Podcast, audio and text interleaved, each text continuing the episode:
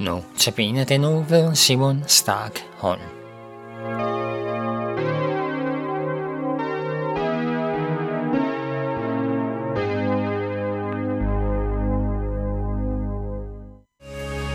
precious sight, my Savior stands, dying for me with outstretched hands. Oh, precious sight, I love to gaze, remembering salvation's day, remembering salvation's day. Though my eyes linger on this scene, may passing time and years not steal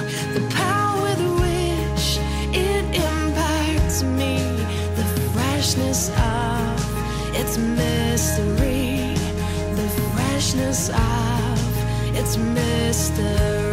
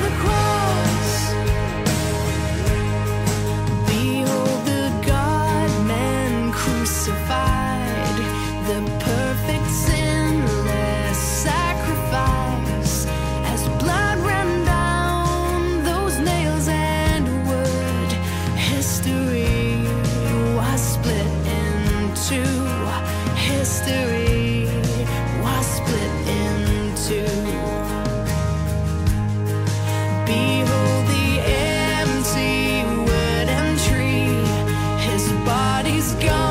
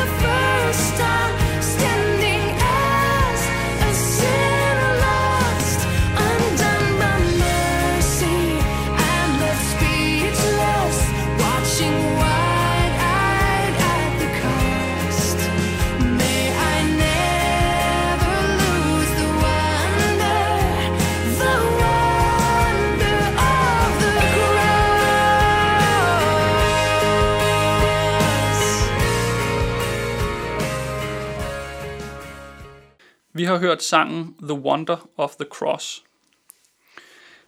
I går hørte vi, hvordan kong Salomo vendte sig bort fra Herren, og hvordan Salomo er et forfærdeligt vidnesbyrd om, at alle står i fare for at falde fra troen på Herren. I dag skal vi høre om kong Jeroboam, som på en langt mere raffineret måde også forventer sig fra Gud. På grund af kong Salomos synd vælger Gud, at Israel skal deles i to riger, så Salomos efterkommere kun skal herske over to af Israels 12 stammer, nemlig Juda og Benjamin. Men hvem skal så herske over de 10 andre stammer? Jo, Gud el udvælger Jeroboam, som ganske vist var en dygtig mand i Salomos tjeneste, men han var ikke nogen fornem person. Gud sender profeten Akia, som fortæller Jeroboam, at han skal være konge over de 10 nordlige stammer i Israel. Opfyldelsen kan vi læse om i kapitel 12 i første kongebog. Salomo er død, og den naturlige efterfølger er hans søn Rehabeam, men Gud styrer tingene, så Rehabeam kun bliver kongen over Juda og Benjamin, som derefter kaldes Juda, mens Jeroboam, ganske som Gud havde lovet, bliver kongen over resten, som beholder navnet Israel. Og man får lidt det indtryk i kapitel 12, at Jeroboam faktisk ikke rigtig løfter en finger selv, men får det hele serveret på et sølvfad af Gud. Nu dummer Jeroboam sig i 1. kongebog kapitel 12 fra vers 26. Der står, Jeroboam tænkte, nu vender kongemagten nok tilbage til Davids hus. Hvis folket her drager op for at bringe ofre i Herrens tempel i Jerusalem, vil deres hjerter vende sig til deres herre Rehabeam, og så vil de dræbe mig. Dette er for så vidt en klog politisk betragtning. Folket ville stadig være knyttet til Juda gennem gudstjenesterne i templet. Men Jeroboams tanker vidner alligevel om, at han ikke stoler på Gud, der netop har foræret ham kongemagten over Israel. Jeroboams efterfølgende handlinger er ligeledes et klogt politisk træk. Vi læser videre. Kongen lod fremstille to tyrekalve af Gud, af guld. Derpå sagde han, her er din Gud, Israel, som førte dig op fra Ægypten. Han stillede den ene i Betel, den anden anbragte, anbragte han i Dan. Det var ved den nordlige og sydlige grænse af riget. Der står videre, at Jeroboam udvalgte præster, som ikke var levitter, at han fejrede løvhyttefesten i den 8. måned og ikke i den 7. som i Juda, og at han selv optrådte som præst ved at ofre. Kong Jeroboam ændrer på nogle små tilsyneladende ligegyldige ting i Guds lov, så folket kan blive i Israel og ikke skal rejse til Juda. Det er jo dog stadig Gud, de dyrker, selvom de nu har visualiseret ham i form af to guldkalve. Det er vel ligegyldigt, hvilken stamme præsterne kommer fra. Der kan jo være lige så gode præster blandt de andre stammer. Om festen fejres i 7. eller 8. måned, spiller vel ingen rolle for Gud, så længe festen bliver holdt til hans ære. Og skulle kongen selv ikke have lov til at bringe sit eget offer? Sådan tror jeg, Jeroboam har tænkt. Men svaret kommer prompte fra Gud. Ikke i form af en forfærdelig straf, men Gud sender en profet, der kommer med en advarsel om en fremtidig dom. Men samtidig gør profeten to tegn, så Jeroboam kan se, at profeten faktisk kom fra Gud. Jeroboam vil desværre ikke høre på Gud og profeten. Han bliver vred, og da han på den måde afviser Guds kald til omvendelse, kommer den hårde dom. Hele Jeroboams hus skal udslettes på grund af Jeroboams synd. Gud kaldte Jeroboam til omvendelse, men Jeroboam afviste. Nu kunne man slå beretningen om Jeroboam hen og tænke, ak ja, sikke et fjols og sikke en sørgelig skæbne. Men i de efterfølgende beretninger tvinger Guds ord os til at mindes Jeroboam. Mindst 15 gange i resten af kongebøgerne står der forskellige formuleringer af ordene. Han gjorde, hvad der var ondt i Herrens øjne. Han fulgte i Jeroboams spor og vedblev med den synd, som Jeroboam havde forledt Israel til. Det bliver påpeget gang på gang, at kongerne ikke havde taget ved lære af Guds dom over Jeroboams synd. Og dermed bliver det en enorm kraftig appel til os i dag at overveje, om også vi følger Jeroboams fodspor. Jeroboam havde ikke taget ved lære af guldkalven under ørkenvandringen i 2. Mosebog kapitel 32. Han havde heller ikke taget ved lære af manden Kora i 4. Mosebog kapitel 16, som også mente, at han ville kunne være præst, men hvor jorden revnede under ham og hans familien, så de blev slugt af jorden. Lærer vi af beretningerne i Bibelen? I, fem, øh, undskyld, I Romerbrevet kapitel 15, vers 4 står der, Alt hvad der tidligere er skrevet, er jo skrevet for, at vi skal lære af det. Når vi læser i vores Bibel, må vi bede og overveje, om ordene er talt til mig. Men hvordan kan Jeroboams synd så se ud i dag? Dybest set var Jeroboams synd vel, at han mente at kunne dyrke Gud på sin egen måde.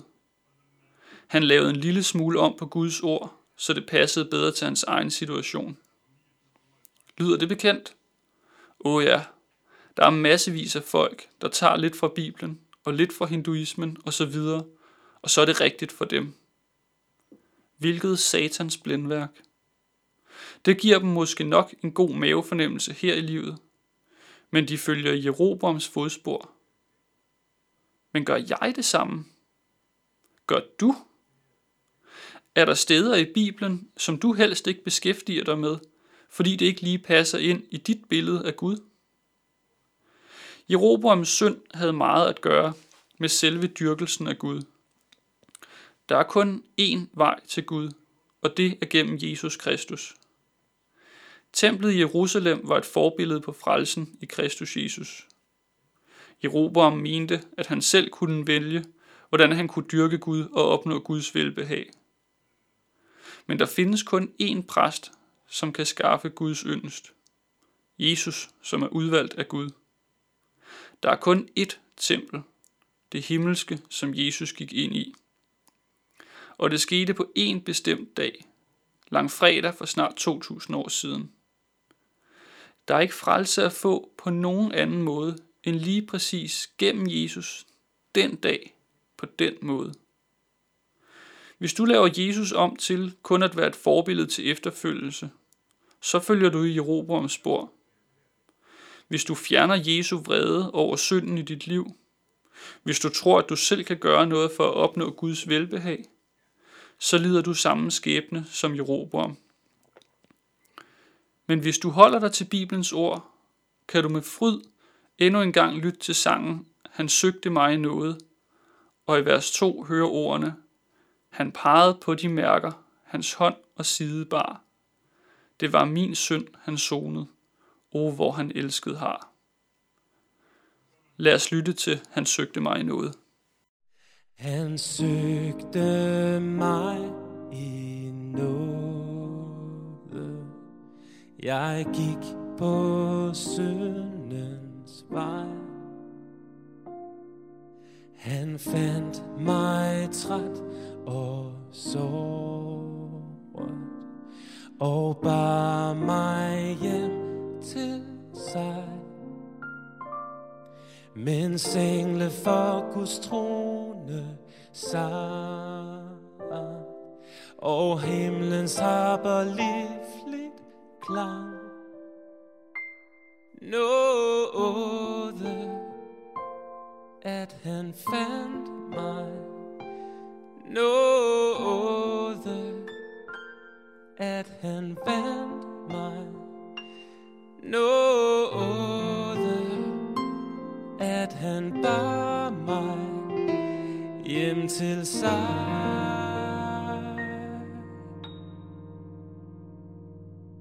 Han pegede på de mærker, hans hånd og side bar. Det var min søn, han sonede,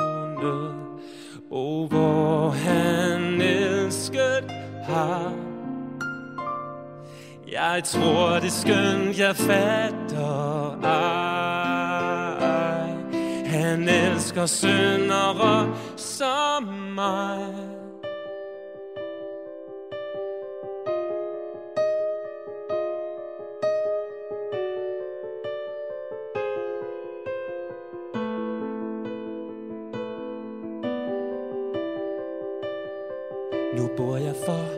Hans åsyn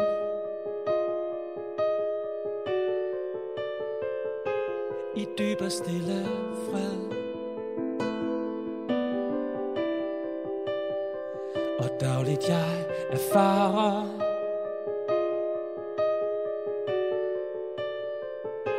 På ny hans kærlighed.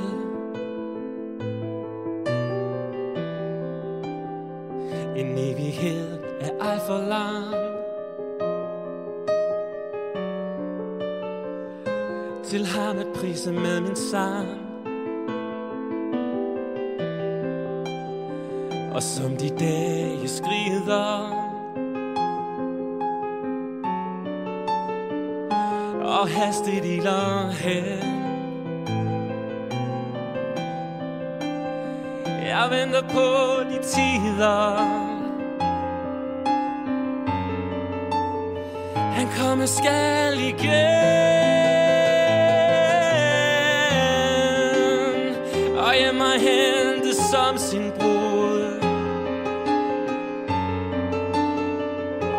Til evig salighed hos Gud